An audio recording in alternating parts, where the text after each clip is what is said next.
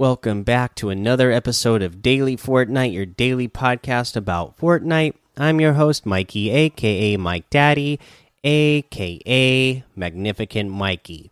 So, not a lot of news going on today, but I did finally go over a couple of articles talking about uh, the most recent happenings in the Epic and Apple uh, court case that's going on right now. Again, thanks to Echo Bucket for posting a couple of different articles that made it easy for me to find and read some uh, of the latest updates about this. So, here's basically where we are on the situation. And again, it is not looking good for Epic and Fortnite and for players uh, on iOS for mobile. All right, it's not looking good. This doesn't look like this is going to be resolved anytime soon. So, uh, at this point, basically, Epic was, you know, the judge told Epic that, hey, what you guys did was wrong, obviously, and it seems like you you knew what you were doing was wrong, but you went ahead and did it anyway. So I'm not persuaded to make Apple just let you back on to the uh, to the app, to the App Store because you know Epic was trying to uh, make the case that okay they can revert things they don't have to have that uh, that additional payment in there they could just revert it back and Apple should let them back onto the Apple Store. Well, uh, you know, Apple just went ahead and removed them entirely from the store and it has not put let them back on and the judge is siding with apple on this at this point saying you know well you you obviously breached the contract on purpose so i'm not inclined to uh, make them let you back on. And then uh, like i said the the the the bad part about this is that it's going to be a while. So epic uh, most recently now they say you know that they're not denying that what they did was wrong, but they did it to go ahead and force an issue so that they would be able to take this uh, to court and uh, make a case. But with the what's going on with the judge is uh, she's got a busy schedule. She's got other things that she's got to she's got to judge on. And Epic and Apple have both agreed that it would be better for this case to be heard by a judge rather than by a jury. So the judge is going to be the one that makes the decision on this case, but the judge is busy until next year.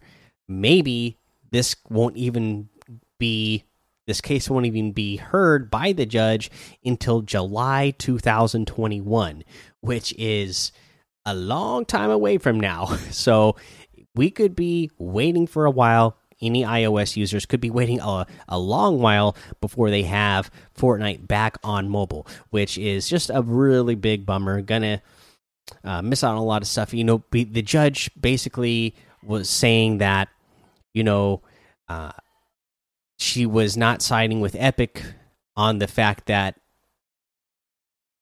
users were being harmed uh, by this because they could go get Fortnite in so many other places.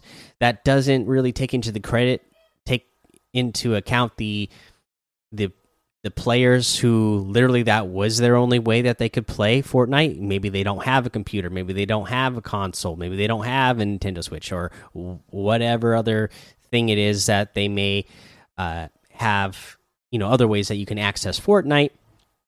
But basically, the judge saying you know that the she doesn't see how uh, users are really being harmed because there's so many other ways to get Fortnite. So uh, that's where we are with it now. Sounds like it's going to be a long time before we know anything about this.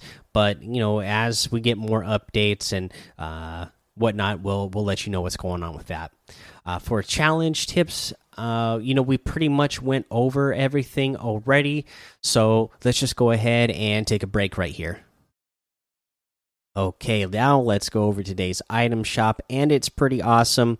So uh, today is the last day of September. October is right around the corner, which is Halloween. So we got a couple of Halloween items already for us, so I'm excited about that. Halloween is one of my most favorite holidays all year long. So we have the Hay Man outfit in here with the Hay Nest back bling for 1,500.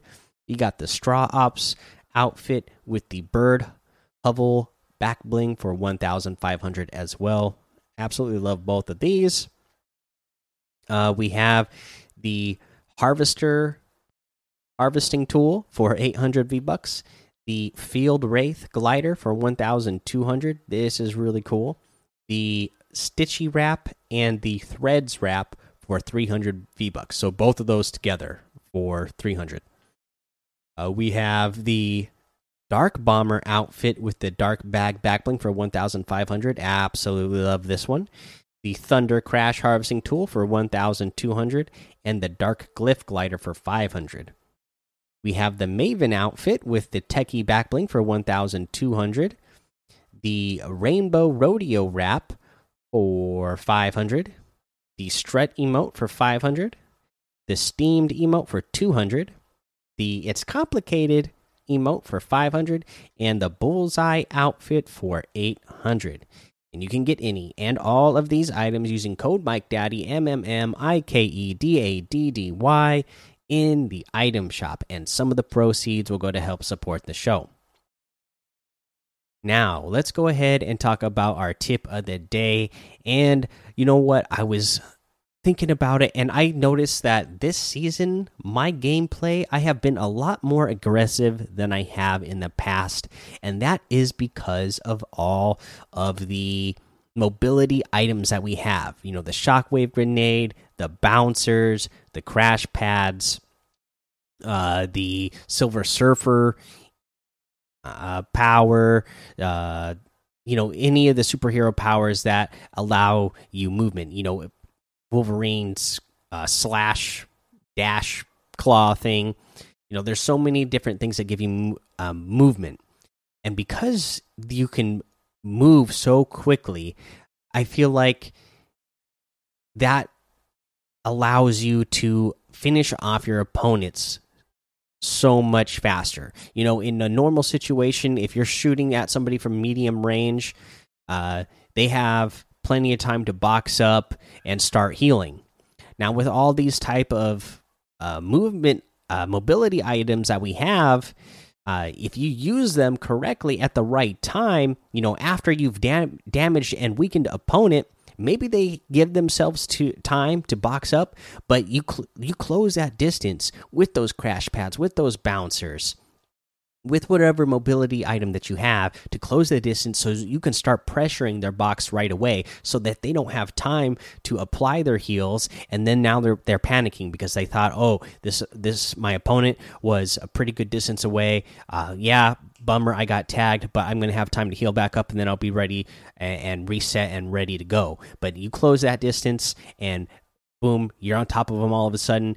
They they boxed up but now they don't actually have time to apply all the shields and heals that they wanted to. Now they're panicking going oh no oh no i'm already weak. Uh, and especially if they didn't tag you yet they're thinking oh my opponent has the big advantage over me and this is not going to go good for me. So anytime you can get your opponents in a panic mode, it's going to be good for you. So I feel like this season, you know, even the the spicy fish, the hot peppers, you know, anything that gets you moving faster to close the distance on your opponents, really uh, try uh, a more aggressive play style uh, this season whenever you have those items. You don't have to be more aggressive in all situations, but when you are in a situation where you have those things in your inventory, uh, try being more aggressive just to, uh, you know, put more pressure on your opponents and get them to mess up.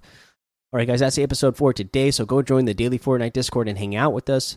Follow me over on Twitch, Twitter, and YouTube. It's Mike Daddy on all of those. Head over to Apple Podcasts, leave a five star rating and a written review for a shout out on the show. Make sure you subscribe so you don't miss an episode. And until next time, have fun, be safe, and don't get lost in the storm.